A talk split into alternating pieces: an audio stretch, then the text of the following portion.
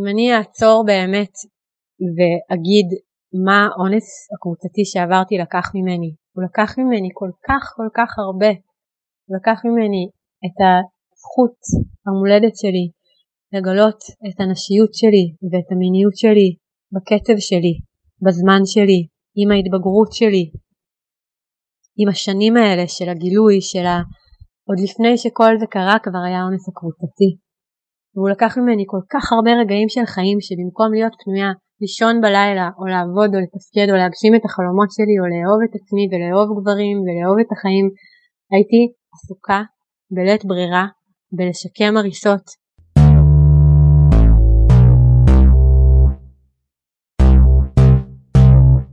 ברוכים וברוכות הבאות, אני נרקיס סלון והגעתם לפודקאסט משחקות באש. פודקאסט בשיתוף עיתון הארץ לגברים ונשים שמסכימים לשחק באש כדי לקדם את החברה בה אנחנו חיים בשלל נושאים נפיצים. השבוע עם אונס הנערה באילת היה נפיץ במיוחד. בפרק של היום נשב לשיחה עם ערווה זוהר, שורדת אונס קבוצתי בנערותה, אשר הריפוי שלה הוציא אותה למסע שבמסגרתו היא הפכה להיות משוררת, מיילדת, מייסדת בית הספר לגיניקוסופיה ומייסדת אמן, אדמת מרפא נשית לנשים נפגעות אלימות מינית. דרך התייחסות לעדויות שאספנו מגברים, מרווה תחנוך אותנו להתחיל להכיל את העולם שמחכה לנו עם סיום תרבות האונס. הפרק הזה שזור בטריגרים, אך הוא גם טומן בתוכו תקווה ענקית. בדיוק בשביל דיאלוגים מהסוג הזה, הפודקאסט הזה נוצר. נעבור לפתיח ונתחיל.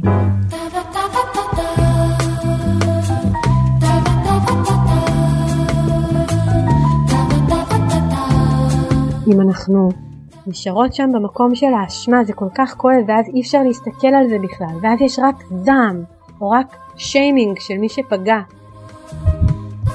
אם רגע נצליח להתאבל על זה ביחד ולהגיד כן, אני, אני כגבר שומע שזה מה שקורה לך, זה מה שקורה לך כש, כש, כשאת נחדרת לא ברצונך ולא, ולא בהסכמתך ולא בהזמנתך ולא בתשוקתך. כשאת נאנסת, זה המחיר שאת משלמת על זה ואני מוכן להכיר במחיר הזה באמת עד הסוף שלו ו, ולהסתכל על זה, להתגבר על האשמה המשתקת ולהסתכל על זה ולהגיד וואו זה מה שזה עושה, זה מה שעשיתי, זה מה שעשינו, זה מה שאנחנו עושים כשאנחנו מאפשרים לזה להיות.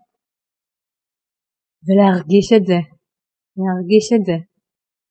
ואז לדבר על מה קרה לנו ולכעוס, לכעוס על איך, איך חינכו אותנו בתרבות שכמעט כמעט אפשרה לי לנסוע לאילת וכמעט כמעט אפשרה לי להיות אנס. איך לעזאזל הופקרתי ככה כנער מתבגר שאלה הדרישות ואלה הציפיות שהיו ממני. אני רוצה שהשיח הזה יתקיים זה גם מפחיד אותי זה גם טריגרי זה גם מציף עבורי אבל אני רוצה שהשיח הזה יתקיים שנוכל לשמוע את הדברים האלה, להקשיב שם אחד לשני בצעת, בתקשורת מקרבת, להבין מה התצפית ומה הרגש ומה הבקשה ומה הצורך. ומשם אני מאמינה שבאמת באמת יצמח הריפוי. וריפוי ושלום בין המינים הוא המטרה שלשמה התכנסנו. אז בואו נתחיל. הראשון הוא אירה, וזה מה שהוא אומר. זה עניין של נשים מול גברים, והנשים זקוקות לתגובה שלי, אולי הם בכלל נגד זה שאני אגיב, חלקן יברכו על התגובה שלי, חלקן יגידו לי פשוט לסתום את הפה. למי אני אמור לפנות? לנשים ולעורר הזדהות ואמפתיה? האם אני אמור לפנות בביקורת לגברים? זאת אומרת, אני מנסה להבין את התפקיד שלי בתוך הדבר הזה, כבן אדם צעיר, לא כאבא, לא כמחנך. שאלתי את מרווה, מה התפקיד של גברים כרגע בשיח וביצירת השינוי? נכון, יש את הקטע הזה שכאילו אומרים כזה שגבר שוטף כלים, ואז כזה אישה אומרת, אני לא צריכה להגיד לו תודה על זה שהוא שוטף כלים, כי זה מובן מאליו שזה התפקיד שלו לשטוף כלים. כן. אבל אז זה כזה בכל זאת תודה על זה ששטפת כלים, כי וואו, לא כל הגברים שוטפים כלים. כן. אז ממש, אה, אז ממש, ממש אני רוצה שזה כבר יהיה מובן מאליו, שזה התפקיד של גברים לשטוף כלים. אמ, ובעיקר שזה יהיה מובן מאליו שזה התפקיד שלהם להתעסק ולדבר על אלימות נגד נשים, אלימות נגד נשים זה אלימות של גברים נגד נשים. ברור שאי אפשר לפתור את הבעיה הזאת בלי הגברים. וגם זה משפיע על הגברים, זה משפיע על הגברים בכל כך הרבה דרכים. קודם כל אלימות מינית היא גם מופנית כלפי גברים וכלפי בנים. דבר שני, עצם זה שאנשים הם אלימים, זה אומר שהם במצוקה מאוד מאוד מאוד מאוד גדולה. מה קורה לגברים? כאילו, מה קורה עם הגברים שהם אונסים? מה, וואו, איזה מצב צריך להיות בשביל לענות? להסתכל פנימה ולעשות חשבון נפש ו- ולבדוק איפה הם מול זה. יש את התפקיד של הגברים שזה לדבר אחד עם השני ולהבין איפה הם ביחד כחברה גברית מול זה. ויש את התפקיד של לגרום לנשים לדעת שאתם בני ברית שלנו. במלא דרכים, ולעשות לנו לייק בפייסבוק, ולשאול, לבוא, בואו תשאלו אותי, תשאלו מה אפשר לעשות, תשאלו איך אפשר לעזור, תשאלו איך אפשר לפתור את הבעיה. ועם התפקיד של גברים להסתכל פנימה, לראות איפה הם מול זה, נעבור לעדות של יובל. אני שיקרתי לכולם, אגב, הייתי הלא היחידי בחבר'ה כביכול. והיה לי איזה קטע עם מישהי, היא הייתה מאוד מאוד, שמאוד מצא חן בעיניי. שמה היינו נפגשים במסיבות ובכאלה, דברים חברתיים למיניהם, ל"ג בעומרים וכאלה. ותמיד היינו שותים, וכשהיינו שותים אז היינו מתחילים להתמזמז. וכשהיינו באילת אז כזה היו עקיצות כאלה שמסובב אותי על האצבע, ושאני בחיים לא אזיין אותה, ושזה נתקע שם, ושמצמיח קרום בתולים מחדש, בדיחות של, של ילדים מפה לשם, היה לי בית ריק איך שחזרנו מאילת. ואמרנו שבוא נעשה מסיבה. והמסיבה הייתה בעיקר בשביל שהיא תבוא, ושהפעם אנחנו לא נהיה בחוץ, לא נהיה בל"ג בעומר, לא נהיה מתמזמז בגן העיר, לא... כאילו זה לא יהיה בחוץ, זה יהיה באיזה קונסטלציה שכן יהיה אפשר אולי לפתוח משהו מעבר. טוב, עשינו משחק שתייה, שתינו, שתינו, שתינו, שתינו קצת יותר מדי. אמ, ואז בשלב מסוים התחלנו להתמזמז. ואז בשלב מסוים הוא אומר לה, בואי, טוב, בואי, בואי נלך לחדר. כאילו, אנחנו פה מול כולם, זה בסלון שלי. בוא, בואי נלך לחדר, והיא זרמה. ואז הלכנו לחדר. ותוך כדי שאנחנו הולכים לחדר, היא כאילו היא מתנדנדת, ועכשיו גם, אז אני, אני, אני מתרץ את זה כי גם אני מתנדנד, גם אני שיכור. אז אם אני שיכור והיא שיכורה, יש בזה, זה לגיטימי, זה סבבה. עצם זה שאני חשבתי את זה, עצם זה שהמחשבה הזאת עלתה לי בראש, זו הייתה הנורה האדומה הראשונה. היא התפשטה והיא אמרה לי שהיא לא רוצה שנשכב. ואני ב mindset באותו רגע אומר לעצמי, אוקיי, היא כל הזמן אומרת לי ככה, אבל אז היא עושה ככה. היא כל הזמן אומרת לי ככה, ואז היא עושה ככה. ואני כאילו אומר לעצמי, טוב, בסדר, זה, זה, זה, זה מין משחק כזה. זה מין משחק כזה, ופכפכה, וכאילו אני יכול, אני יכול, אה, פשוט תהיה עקבי, תהיה עקבי ותשנה את הדעה שלה. כשאנחנו מתמזמז, ואני כולי, אני מתרגש, כי זה אף פעם לא זמן אצל מישהי שיכורה, ובכלל לא הסתכלתי על זה שכאילו הראש שלה נדפק שם בקיר, שהיא נמצאת ב... ב, ב היא לא איתי בכלל, היא מדברת שטויות, היא ממלמלת, וכאילו, אני כאילו כל כך מוצף עם כל כך הרבה רגשות, וכל כך הרבה חושב, חושב על מה שכאילו אמרו, והנה הראיתי להם. הראיתי להם שכשאני כן, שאני כן אה, מסוגל, אח שלי דפק בדלת, אז התעלמתי ממנו, ואז הוא, אחרי כמה רגעים עוד פעם דפק בדלת, ואז קמתי אליו, ואני זוכר כשקמתי אליו, אז כאילו איפשהו בפנים רציתי כאילו להיות, אה, איכשהו לצייר את זה בצורה הכי טובה שיש. אז הוא אמר לי, היא ממש ממש שיכורה, זה ממש לא בסדר מה שקורה פה. ואז אמרתי לו, נו סבבה, אז גם אני שיכור. ואז הוא אמר, הוא פשוט תפס אותי והביט לי בעיניים ואמר לי, תקשיב, אבל זה לא בסדר. וכאילו באותו רגע הרגשתי כאילו, כאילו זה אבא שלי שנותן לי סטירה, אבל לא אלימה. לא ממקום שהוא רוצה להכאיב לי או לפגוע בי או, או מתבייש בי, אלא מקום שהוא רוצה לה, להעיר אותי.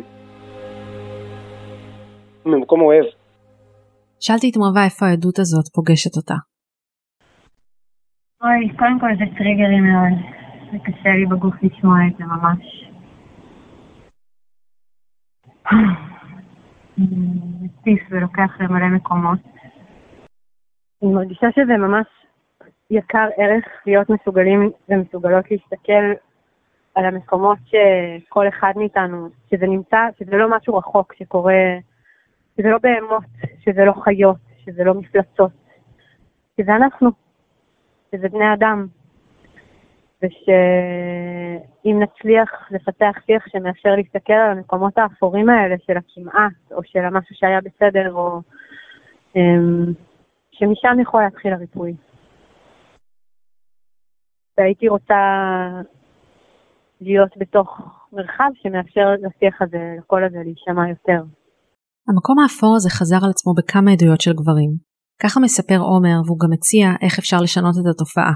כל אחד יכול לעשות את זה בגדול. זה לא 30 זה מיליון, כאילו אמיתי, אני באמת חושב שמיליון איש במדינת ישראל, היית שמה אותם במקום האחד מהשלושים, הם היו עושים את זה, השלושים לא סתם שם. כי זה משהו, את יודעת, שאישי קורה, והיא לא אומרת לא במפורש, וכאילו זה חד משמעית כאילו אונס, אבל זה דבר שהוא, אני חושב שהוא מאוד בתרבות, וזה מאוד כאילו בשיח של גם, את יודעת.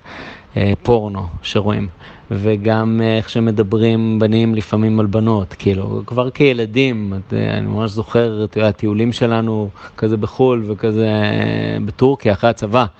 ואנשים כזה בואי הולכים והדיבור והבאתי לה והחטפתי לה וכאילו כל מיני דברים כאלה אז כאילו זה מאוד מאוד בשיח וצריך אני, אני רוצה לטעון שבמיוחד ככל שאנחנו יותר צעירים צריך להיות מאוד יוצא דופן כדי לא לעשות את זה אני אישית הייתי כאילו שלוש פעמים אה, ראיתי חשפנית. אה, אף פעם לא השתתפתי ולא נגעתי, אבל כאילו נגיד פעם אחת בצבא, ופעם אחת שהיינו בכיתה ז', ועוד פעם אחת, וכאילו אני זוכר שהיינו בצבא, ראינו חשפנית, שכאילו גם באיזשהו קטע היא הוציאה stick light, ואחד מהאנשים שם כאילו ממש, את יודעת, כאילו, קיצור. אה, את מבינה מה, מה, מה עושה, וזה כאילו, וכולם צחקו, וזה כזה צחוקים, וכאילו, והגבול בין זה לבין אשכרה להיות במצב שאתה עומד בתור, אתה מספר כאילו 22, והיא מאולפת כאילו על המיטה, פשוט אתה נכנס, וכאילו, ו- ו- ואונס אותה, זה משהו שכאילו נראה לי מאוד קל לעשות אותו. פשוט אכיפה, זה כמו מסכה, את לא צריכה עכשיו כאילו לסמוך על הג'אנמנט וזה, את פשוט צריכה ממש להעניש מאוד חזק, לאכוף מאוד חזק. וכאילו שאנשים ידעו שכאילו אם אתה עומד בתור ויש מישהי שלא אומרת לך כן, מבחינתי שיהיה, שכל פעם שיש, את יודעת, שגבר ואישה שוכבים, שכאילו שיהיה ממש כן, כאילו שהיא תגיד כן. שאלתי את מרווה אם היא מסכימה עם עומר שהגברת אכיפה זה הפתרון כדי לעשות שינוי. קודם כל, זה לגיטימי שכל נפגעת תרגיש מה שהיא רוצה ותדרוש מה שהיא רוצה בשביל צדק וריפוי. ואין ספק שעכשיו, בחברה שאנחנו עכשיו, צריך להגביר את האכיפה, אפילו במובן הזה שיש גברים שפוגעים ופוגעים שוב ומשתחררים ופוגעים שוב, זה, זה אבסורד. אבל באופן יותר עמוק, כשאני חושבת על מה זה כלא ומה זה ענישה, בשבילי המונחים האלה הם חלק מתרבות אונס. הם חלק ממשהו מאוד פטריארכלי, מאוד אמ, ענישתי ולא אנושי, ו... לא מביא ריפוי. מה יוצא מזה? מה יוצא מזה ש...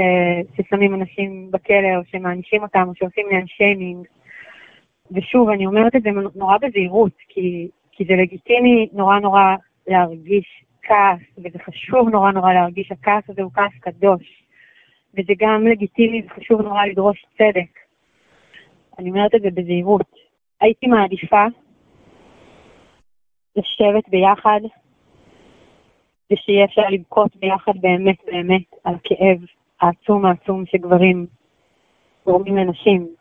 והייתי מעדיפה לשבת ביחד ולהגיע לרמות של חיבור שמתוכם כבר אי אפשר להתנתק יותר ברמה של ניתוק שגורמת לך להיות מסוגל לענות. והייתי מעדיפה שגברים שפגעו יצטרכו לעבוד, ושהכסף הזה ילך לשיקום ולריפוי, כי העבודה של השיקום והריפוי היא עבודה קשה שנמשכת שנים, והיא לא מתוקצבת והיא לא מתוגמלת ואין בה תמיכה. ואין בה הכרה. והייתי מעדיפה תאפשר חשבון נפש, ויתאפשר אבל משותף על הכאב הזה העצום העצום העצום שנגרם. שיח הזה שהוא מטומטם, שזה או שאנשים אשמות, או שבוא נסרס את כל הגברים, או שבוא רק אה, נלמד מיניות בריאה ואז הכל יהיה בסדר. זה הרי כל כך הרבה יותר מורכב, כל כך הרבה יותר עמוק מזה. כדי לעשות שינוי אמיתי צריך שיהיה אפשר לדבר, וכרגע גברים הם מפחדים להיות חלק מהשיח. מכל מיני סיבות, שלא את כולם אגב אני מבינה, אני הייתי שמחה להבין יותר למה, למה הם מפחדים להיות חלק מהשיח. אני מבינה את העניין של השיימינג, שכאילו אתה לא יכול בכלל לפתוח פה בשביל לעשות את התהליך של להבין שמה שחשבת שהוא מקובל לפני 20 שנה או 50 שנה או אפילו 10 שנים, עכשיו אתה מבין שהוא לא מקובל יותר. אבל לא יודעת, כשאני מסתכלת על כלא, כלא זה, זה מרגיש לי כמו אה, ההפך מהתרבות שאני רוצה. זה משהו ש, שמרחיק אנשים, ששופט אנשים, שלא מסתכל על מאיפה האנשים האלה באו ואיפה הם גדלו, וזה כאילו בוא נרחיק את הבעיה. אתה גם מפלצת, לך תהיה מפלצת, לך תחיה בכלום, במקום להסתכל על זה בעיניים, ולהבין שאנחנו שבט, שאנחנו קהילה, ש... שאנחנו ב... ב... ביחד בתוך הדבר הזה. אנחנו ביחד בתוך הדבר הזה, וגם בהרבה גברים עלה המון כאב. כך משתף אייל. הדבר הזה מעלה בי רצון לא לתת לבנות שלי לצאת בחיים מהבית. הדבר הזה מעלה בי פחד, שלא משנה מה נעשה, לא יהיה הבדל. כי בסופו של דבר, בכל אחד מאיתנו כגברים, זה קיים. בכל אחד, אי אפשר להכחיש את זה. בכל אחד זה קיים. היצר של האלימות, היצר של לקחת, היצר של מגיע לי, אבל ההבדל הוא מי הולך אחרי זה. וזה מתחיל ונגמר בחינוך מהבית. אין מה לעשות. משם זה בא, משם זה השורשים.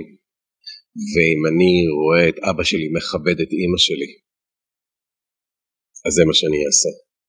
אם אני רואה אה, את אבא שלי אוהב את אימא שלי ומדבר אליה יפה, זה מה שאני אעשה.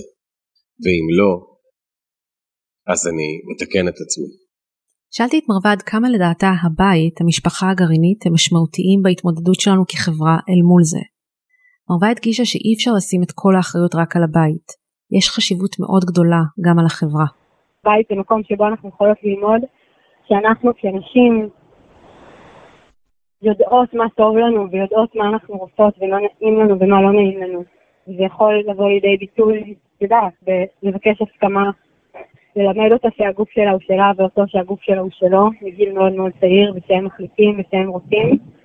וזה יכול לבוא באמת ב- בלחגוג, כן, את, ה- את ההבדלים, את זה שהיא אישה, והאימא היא אישה, ולהתייחס אליה כמו מלכה. להתייחס לזה, הרי האיברים שבהם אנחנו נפגעות הם איברים הנשיות שלנו. ואנחנו לומדות איך להתייחס לאיברים האלה גם כשמחליפים לנו חיטוי, וגם כשרוחצים אותנו, וגם כשאנחנו מקבלות וסת, והזדמנויות במקומות האלה, ללמד ולחנך, ולאהוב, לאהוב את הגוף. לדעת שאנחנו בעלות הסמכות לגבי מה טוב לנו ומה לא טוב לנו. אני מלווה המון המון אה, נשים לקראת, כאילו, כשהן עומדות להביא ילדים לעולם, והן אומרות איך אני אביא ילדים לעולם הזה שקורים פה דברים כאלה. בתור מישהי ש... שנפגעה בעצמה, אני אומרת שהן זה נכון, אנחנו כרגע לא יכולות למנוע אולי מה, מהפגיעה לקרות, למרות שכן יש דברים מסוימים שאפשר לעשות כדי לשמור מחלק מהמקרים, לא מכולם. אני יכולה להבטיח לך, לבת שלי שמגיעה לעולם, שאני אימא שלה או האבא שלה, מה שלא יקרה לה, אני אהיה שם בשבילה. ואני אהיה שם בשביל לשמוע את זה ולעבור איתה ביחד. אני חושבת שכן, הפגיעה שקורית היא נורא נורא קשה, אבל אפשר כן לשרוד אותה ולהבריא ממנה ולהכניע ממנה, אם אנחנו לא נשארות שם מופקרות לבד. חושבת שמקום של בית זה מקום שלא משנה מה את עוברת, עוברים את זה יחד איתך. אבל זה נורא נורא קשה לעשות את זה רק כבית, רק כיחידה פרטנית של אימא, אבא ו- וילדה שנפגעה, נורא נורא נורא נפגעה. אמ, אז, אז איפה, איפה נשיא המדינה וראש הממשלה שבאים לבקר, כמו שמבקרים נפגעות, נפגעי טרור, ואומרים, כאילו משתתפים בצער, ואיפה הקהילה שנושאת ביחד איתנו את ה... כן, כמו בשבעה או ב... כשמישהו חולה בכל דבר אחר, איפה המקום של להגיד מה צריך, אני אשקיע לטיפולים, אני אשתתף בהוצאות, אני אבקר תנחומים, אני אשמור על הילדים אחרים בזמן שאתם הולכים יחד איתה לטיפול. זה המקום של הקהילה ללמוד להתגייס ולא להפקיר. ההפקרות של החברה כלפי הנשים היא ברורה. מהשיתוף של דן עולה גם ההפקרות של החברה כלפי הגברים. תבקשי מגבר שבועיים בלי מין, נראה אותך. נראה כמה גברים יוכלו לעמוד בכזה דבר. תלות מאוד מאוד קשה. אף אחד לא מדבר על זה, עד כמה כאב ועד כמה תלות יש לגברים מול מין. עד כמה, עד כמה רוב הגברים שאני מכיר מסתכלים על העולם ו, ומבחינתם נשים אמורות לספק את היצר המיני שלהם. וזה כאב שהוא לא מדובר, זה כאב שלא מובן, ובכלל לגברים אין, אין שום מקום בעולם שהם יכולים להגיד כואב לי, אני לא... קשה לי. ואז כשמגלים את המחלה הזאת, אז כולם יוצאים מהגברים ולסרס אותם, להרוג אותם, ו... ו... כל המקום הזה של רגע, לפני שנייה אחת היית קורבן ועכשיו אתה כבר יוצא להיות תוקפן.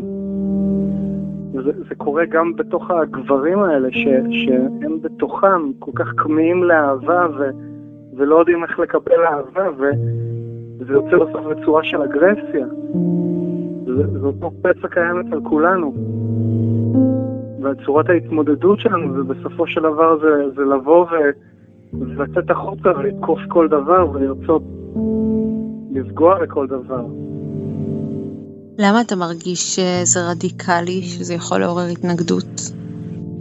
כי אני חושב שאם אני אגיד לאישה שנאנסה, ורוב האנשים שאני מכיר נאנסו, למעשה כמעט כל ידידה טובה שלי סיפרה לי שהיא נאנסה, שהגברים שאנסו אותם לא פחות קורבנים מאשר היא, אני לא חושב שזה יהיה נעים לה לשמוע. יש נשים שאני בטוח שזה דבר כזה שבמקרה הטוב unfriend, במקרה הפחות טוב uh, band for life. קשה לראות את הבן אדם שמולך עד כמה הוא פגוע בעצמו. שאלתי את מרווה מה דעתה על הכרה בכאב של אלו שפגעו. בהחלט, בהחלט, אה, מי שפוגע הוא פגוע. אני מאמינה בזה. סטטיסטית אנחנו יודעות שלא כל מי, ש... מי שאונס הוא בהכרח עבר פגיעה מינית בעצמו או גדל בבית אלים בעצמו. זה מגיע גם מעוד מקומות, זה מורכב. אחד זה שכשהייתי מאושפזת פעם ראשונה, כתבתי טקסט למנחה שלי של הטבע, שתיארתי לה אה, בעצם מה שראיתי סביב במחלקה, וזה היה כאילו אנשים הנפגעות שהייתי מאושפזת כאן, המון המון נשים שפוגעות בעצמן בהמון המון דרכים. זאתי הורגת את עצמה בחוסר אכילה, בהפרעת אכילה, וזאתי דופקת את הראש שלה בקיר, וזאתי עם סכינים, וכל אחת פוגעת בעצמה בעצם באופן אחר, היה מין גלרגיה כזאת של, של, של פגיעות עצמיות. והיא שלחה לי בתגובה טקסט נורא נורא חזק, שהפך להיות טקסט מכונן בחיים שלי, של אחת המשוררות האהובות אליי, של אדריאן ריץ', וזה טקסט שאדריאן ריץ' הקריאה אמ, בעצם בטקס אה, לזכרה של אנ סקסטון, שהייתה משוררת שהתאבדה, התאבדה קצת אחרי שסילביה פלט התאבדה, והיא אומרת שם בטקסט הזה, היא אומרת, די לנו במשוררות מתאבדות, די לנו בנשים מתאבדות, די לנו בהרס עצמי כצורת האלימות היחידה שמותרת לנשים. והיא ממשיכה ואומרת שאנחנו, שכל כך הרבה נשים שהיא מכירה מרחמות על האנסים שלהן ועל הגברים שנגיד מכים אותן, מרחמות עליהן, והן מתבלבלות שם. אנחנו מתבלבלות, אנחנו מרחמות וחומלות וטובות וסלחניות קודם כל כלפיהן, אבל, אבל לא על עצמנו. לא על עצמנו ולא קודם כל על עצמנו ולא קודם כל מפסיקות את ה... כאילו, אומרות די לאלימות הזאת. ואז אנחנו גולות את הכעס הזה פנימה, אין לנו מה לעשות איתו, אין לנו שום דרך להוציא אותו, ואז אנחנו פוגעות בעצמנו. יש המון דרכים שאנחנו עושות את זה, שאנחנו מבטלות את עצמנו, שאנחנו חושבות שהיצירה שלנו לא מספיק חשובה, שמיליון מיליון מיליון דרכים שאנחנו מבטלות את עצמנו בשירות לדברים. אז יש סליחה ויש מחילה ויש חמלה ויש רחמים שהם מדלגים על השלב של הכעס הקדוש. שאני מרחמת על מי שפוגע בי, על מי שפגע בי, אני סולחת לו, כי, כי זה בעצם הריצוי, כי זה בעצם הדרך שלי. אני מרגישה או אנרגטית או ממש קונקרטית את האיום שלו, את הסכין שלו, את שלי, ואני אומרת לו, טוב, טוב, טוב, אני, אני סולחת לך, אני אוהבת אותך, אני, אני... אבל ברובד אחר, ברובד נשמתי, ברובד רוחני וגם ברובד נפשי וברובד של מה שבאמת באמת מביא את הריפוי, אנחנו, אנחנו, אנחנו פה בני אדם, ואנחנו פוגעים ופוגעות וסובלים וסובלות ופוגעים אלו באלו, וכמובן שגם להיות תוקף בסבל נוראי, אני מאמינה בזה, ובטח לעבור ריפוי בתור תוקף ולהכיר במה שעשית. ואני גם מאמינה שזה מגיע מתוך סבל נוראי, ברגע שאנחנו מנותקים מהכאב שלנו, ולא משנה אם זה, זה מתחיל מהכאב הכי קטן, שאתה נופל ואומרים לך אל תבכה, אתה כאילו תתנער, לא נורא לא קרה לך כלום, או אתה גבר, תהיה גבר, אל תרגיש, אל תרגיש, ואז אם אני עכשיו אעצור וארגיש את האבל שלי, הרי אבל זה דבר מדבק. אז אתה תצטרך להרגיש את שלך, ואם לא נוכל לעצור ולהתאבל ביחד, גברים ונשים, על, על כל מה שקרה, כן, על, זה קורה, אני לא רואה איך יכול להיות לזה ריפוי. כדי להתאבל ביחד, אנחנו צריכים לדעת לתקשר. גלעד משתף על אופי השיח שראינו ברשת בין גברים ונשים בימים האחרונים. אני גם רואה את מה שקורה היום ברשת, ביום הזה במיוחד, שהדם עוד רותח של כולם, נשים וגברים, וזה נורא מעציב אותי שהשיח הופך להיות גברים מול נשים. הדבר הזה, המקרה הזה, אני גם חושב שהעובדה שבאמת אין שיח פתוח, כנה ואמיתי אה, בין גברים ונשים הוא, הוא נורא קשה, שמאפשר איזשהו שיח שמדבר את הכל בצורה מקרבת. שאלתי את מרווה איך עם כל הכעס והפערים ניתן כרגע לייצר שיח בין גברים ונשים. אני חולמת על הוועדות צדק ואמת שיהיו בסיום של הפטריארכיה, שיהיו בסיום של התרבות האונס, כמו, כמו הוועדות שהיו בסיום האפרטהייד בדרום אפריקה, שהם הבינו שהם, שהסתיים שלטון הרשע של האפרטהייד, והם הבינו שדזמונד טוטו, bishop שהוביל את זה, הבינו שהם חיים ביחד.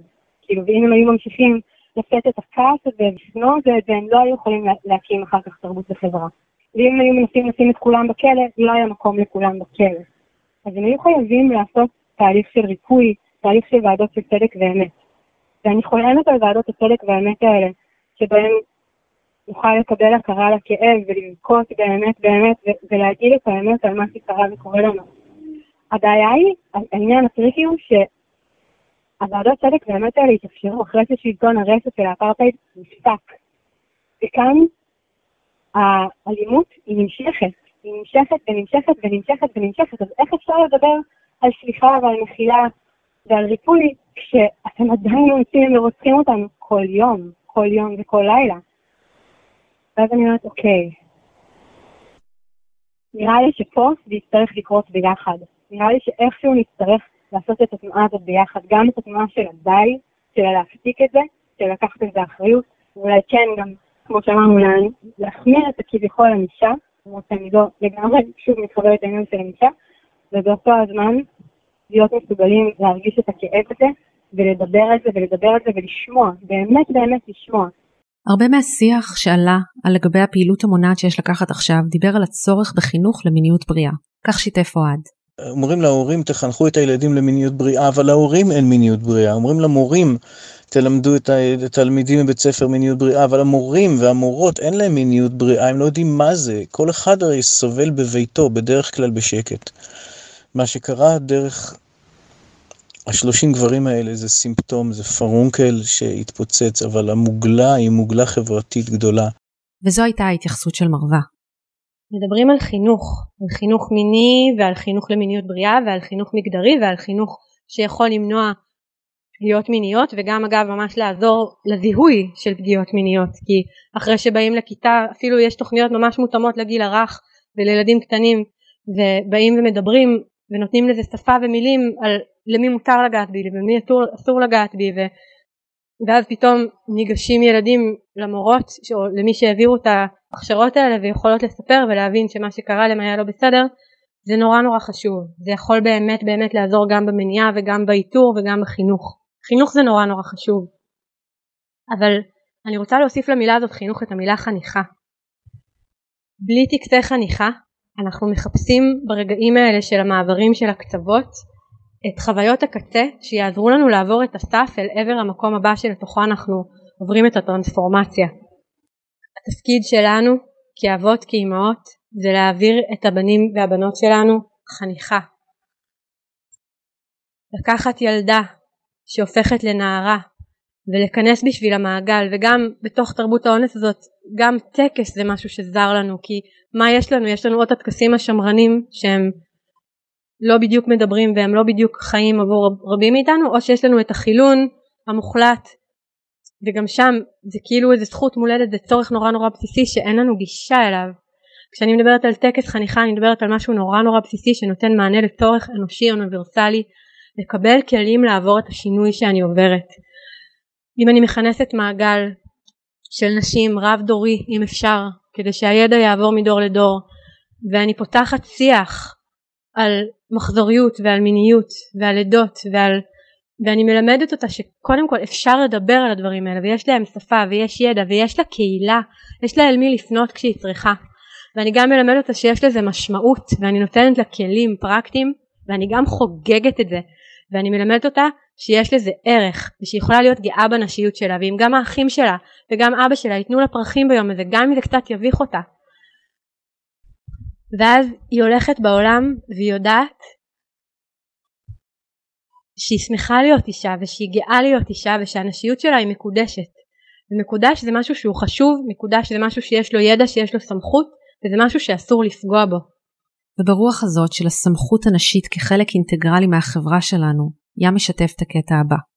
הרבה מאוד נשים צעקו את המקרה הזה ומעט מאוד גברים כתבו על זה, אני חושב שכמה פעמים ראיתי שעשו קצת קומנטים על פוסטים של נשים אחרות ואולי היו איזה שלושה ארבעה גברים שכתבו, גם באבא פגום הזכירו את זה, אני חושב שכל האזכורים שהיו של זה היו בזוויות של אבות שיש להם ילדים או יש להם בנות והם מסתכלים מהזווית הזו, ואני לא חושב שזו הזווית הנכונה. אני חושב שהבעיה היא בנו, במקום שבו אה, הבאנו את עצמנו לכאן. הבעיה שלנו למעשה היא בעיה תרבותית, לא שלטונית, לא מדינית, לא עדתית, לא דתית, לא לאומית, לא ביטחונית, לא כלום. התרבות שלנו, נרחבת וכל עוד אין 50% נשים בהנהלה ונקודות של לקיחת החלטות בכל גוף ציבורי בתור התחלה ובתוך כל גוף פרטי גדול בהמשך אנחנו נמשיך לאנוס. על זה צריך לשרוף מכוניות ולחסום כבישים. זה השורש שישפיע על, על כל מה שיגדל ממנו. עיר לקח את זה צעד אחד קדימה וקישר בין מצב הממשלה להיעדר מנהיגות נשית. אני לא יכול שלא לקשר את הקשר בין הדבר הזה לבין המלחמה על הדמוקרטיה אה, וזכויות האדם והחופש בעידן שלנו. אה, כי אני מרגיש שאנחנו באיזה מין תנועת מטוטלת ואני מרגיש שאנחנו לפני שינוי היסטורי אה, אדיר מימדים. אנחנו רואים מה קורה עם הדמוקרטיה, אבל צריך לזכור, במובן הארכיטיפי, הדמוקרטיה נולדה באתונה. אתונה נקראת על שם אתנה, שהיא אלה נשית, אישה, אה, אלת המלחמה והצדק והאומנות, שנולדה עם אה, כידון ביד, אה, והיא עדיין אישה, והיא נשית. זאת אומרת שהדמוקרטיה במהותה היא, על פי הארכיטיפ הזה, היא טומנת ומתבססת ויונקת מתוך האלמנטים הנשיים. ואנחנו רואים שבעצם הדמוקרטיה שנחטפה על ידי גבריות ופטריארכליות, היא הגיעה לאיזשהו dead end, אה, והיא גוועת, ואני חושב שכדי להיוולד מחדש היא תצטרך הובלה נשית. שאלתי את מרווה אם היא מסכימה עם ההצהרות האלו. בשביל שבאמת באמת ישתנה השיח, זה לא מספיק רק שיבחרו עוד נשים. אמ, וזה גם יותר עמוק מזה. כאילו, כן, זה טוב שיהיו יותר נשים, אבל הרי נשים יכולות גם להיות בעמדות כוח, והרבה פעמים כשהן נמצאות בעמדות כוח הן נאלצות אה, בעצם להיות חלק מהמשחק הפטריארכלי בהמון המון דרכים, ואז הן הופכות בעצמן. כן, את יכולה להיות שופטת או שוטרת או רופאה, הן חלק מהדיכוי. אז זה כשלעצמו זה לא, זה, לא, זה לא פתרון, קודם כל הפטריארכליה התחילה הרבה לפני הדמוקרטיה. ביוון כבר כשהייתה דמוקרטיה נשים היו רכוש, ומי שהיה לו זכות הצבעה זה היה לא נשים ולא עבדים, זה היה רק אה, גברים לבנים. כאילו רק ממש מעט אנשים בעצם הייתה, היו מהדמוקרטיה. כאילו אם זה המשחק שיש, אז כן, עדיף שגם נשים ישתתפו בו, אבל המשחק הזה הוא, כאילו, זה, זה כל כך הרבה יותר עמוק מזה, זה איך שהכל מאורגן, זה, זה המבנה הכלכלי, זה, זה כל כך הרבה דברים. מאז שהאונס באילת קרה, קבוצת הפייסבוק שלנו של משחקות באש מלאה באקטיביסטים, הורים, אנשי חינוך ויזמים, ששואלים מה אפשר לעשות, ומעלים שלל פתרונות ורעיונות. אני באופן אישי מתחברת למה שמרווה אמרה. זה כל כך הרבה דברים. כל כך הרבה דברים באיך שהחברה שלנו בנויה כיום מהנדסים מקרים כאלו שיכולים לקרות שוב ושוב ושוב. הדבר היחיד שאנחנו יכולים ויכולות לעשות זה ליצור אלטרנטיבות. אלטרנטיבות של שיח וריפוי, אלטרנטיבות של חינוך, של התארגנות חברתית. הנה דוגמה לאלטרנטיבה, אמן, אדמת מרפא נשית, קהילת מרפא נשית לנפגעות אלימות מינית. קודם כל, אמן נולדה מתוך החוויה האישית שלי, כמישהי שעברה בין היתר אונס קבוצתי בגיל 12, אמ, ושכשהייתי זקוקה, כשבעצם הטראומה עלתה לי, שכמו שקורה הרבה פעמים, זה קורה רק בגיל יותר מבוגר, אמ, כשה, כשהנפש שלנו מוכנה ובשלה ומסוגלת אה, להכיל את זה. ואצלי זה, זה נפתח כשהייתי בזוגיות, בתוך הזוגיות, בתוך האינטימיות, ופתאום הייתי ממש ממש בפוסט טראומה מאוד מאוד מאוד קשה. ובעצם התחלתי לחוות על בשרי את זה שאין שום מענה. שאין פשוט לא קיימים מענים מותאמים, לא קיימים מענים בכלל במדינת ישראל. זה נשים שמתמודדות עם, עם, עם בעצם ההלם קרב הזה, עם הפוסט-טראומה הממש מורכבת שמגיעה הרבה פעמים בעקבות אלימות מינית, ובעיקר, במיוחד אלימות מינית שקורית בילדות. אמ, ואז אה, עברתי שם מסך אמ, שחיפשתי לעצמי עזרה, ותוך כדי שחיפשתי לעצמי עזרה הגעתי לכל מיני מקומות שרק החמירו את הפגיעה שלי, כמו מחלקות פסיכיאטריות. אמ, והייתי ממש, ממש נדהמתי מזה שאין את המענה, ותוך כדי הכרתי עוד ועוד נשים שגם היו זקוקות למענה הזה. ולקח לי זמן, כאילו אני חושבת שלקח לאקטיביזם גם זמן כזה להבשיל למקום של, אה, אני כבר לא מחפשת ש... כאילו בהתחלה עוד הלכתי כזה לכנסת ולממשלה וביקשתי, אה, ואמרו לי עזבי, אין תקציבים לשלום וביטחון, ולקח לי זמן להבין ש... שזה, שזה אני, צריכה לעשות את הדבר הזה, שאני לא מחכה שאף אחד אחר יציל אותי, או יגיד לי שאפשר או שאי אפשר, שקודם כל נותן מענה מותאם לנשים שעושות את העבודה המאוד מאוד מאוד קשה, מפרכת, מייגעת, כואבת, אמיצה, גיבורה ומרגשת של לרפא את עצמן ולהחזיר לעצמן את הזיכרונות ואת הגוף ואת הניתוקים ואת רציפי הנשמה שלהם. אמ, זה קודם כל מקום שהוא בעצם קהילת מרפא, מקום שהוא קרוב לאדמה, זה נקרא אמן אדמת מרפא נשית, בראשי תיבות, וזה מקום ש, שנשים יכולות להגיע בתקופה שהן מתמודדות עם השבר הכי גדול, עם המשבר הכי גדול, גם מתוך מקום שלא מפחד מהמשבר, שקודם כל מנרמל אותו ואומר, מה שאת עוברת היא תגובה נורמלית זה משהו שנורא שקרה לך, מקום שאומר, את לא לבד בתוך זה, מקום שאומר, אם המשבר קורה לך עכשיו, זה סימן שאת מוכנה אליו, ואנחנו מאמינות לך, ואנחנו מאמינות לך, אנחנו מאמינות שאת יכולה לעבור דרכו. אנחנו לא מנסות עכשיו להשתיק או לדכא את זה בתרופות ובקשירות וכאילו בהדחקות, לא. לאמן הם גם יוזמות פעילויות מונעות לפגיעות מיניות, חינוך לנשיות בריאה, הכשרות גינקוסופיות, ליווי נשים בכל מעברי החיים. הן גייסו את הכסף הראשוני למימון המיזם ב crowdfunding, וכעת יש להן רשימת המתנה ארוכה שתלויה בכך שיתווסף להם תקציב. אני גם באמת מאמינה שמתוך זה שנייצר מקומות כמו אמן, שמאפשרים לנשים לעשות את הדרך הזאת כל הדרך עד לשאול ובחזרה, אנחנו, אנחנו לומדים שם בלית ברירה איך להתמסר לכאלה עוצמות של כאב, לכאלה עוצמות של אבל, לכאלה עוצמות של מוות וחיים, מוות ולידה מחדש, שאם נדע לייצר את המקומות משם גם יצמח הריפוי, משם גם יצמחו הנביאות, אנשים שידעו מה נדרש כדי לעשות את הדרך חזרה וזה גם ב- מעצמו יאמן לנו את השריר הזה שלא להפקיר ושל להקשיב ושל להסתכל על זה בעיניים ולא להיות מוכנים יותר שהדברים האלה יקרו. הפחד כרגע כל כך משתק אותנו אם זה יקרה לבת שלי אני לא יכול שזה יקרה לבת שלי אבל, אבל אם אתה מוכן להיות שם בשביל בת של מישהו אחר שזה קרה לה, אז אתה תלמד את הבנים שלך ואת הבנות שלך שזה קורה עדיין, ושאתה מוכן להיות שם איתם, ושאתה מוכן לעשות את כל מה שצריך כדי לשנות את השיח, כדי שיהיה פחות ופחות סיכוי שזה יקרה עד שזה לא יקרה יותר. תודה שהייתם איתנו במסע לעבר יצירת תרבות שונה וסיום תרבות האונס. אתן מוזמנות ומוזמנים להצטרף אלינו לקבוצת הפייסבוק שלנו משחקות באש. שם מתקיים עולם חדש של ממש בין גברים ונשים, אשר מנהלים דיון בצורה מכבדת, מאפשרת וחשופה, ומקיימים תהליכי ריפוי בנושא. ערכו את הפרק מאיה בניסן ואמיר פקטור, עיתון הארץ שותף להפצת הפודקאסט. ניפגש בפרק הבא ונמשיך לנהל את הדיון על יחסים בין גברים ונשים והתנהגות מינית. תודה רבה.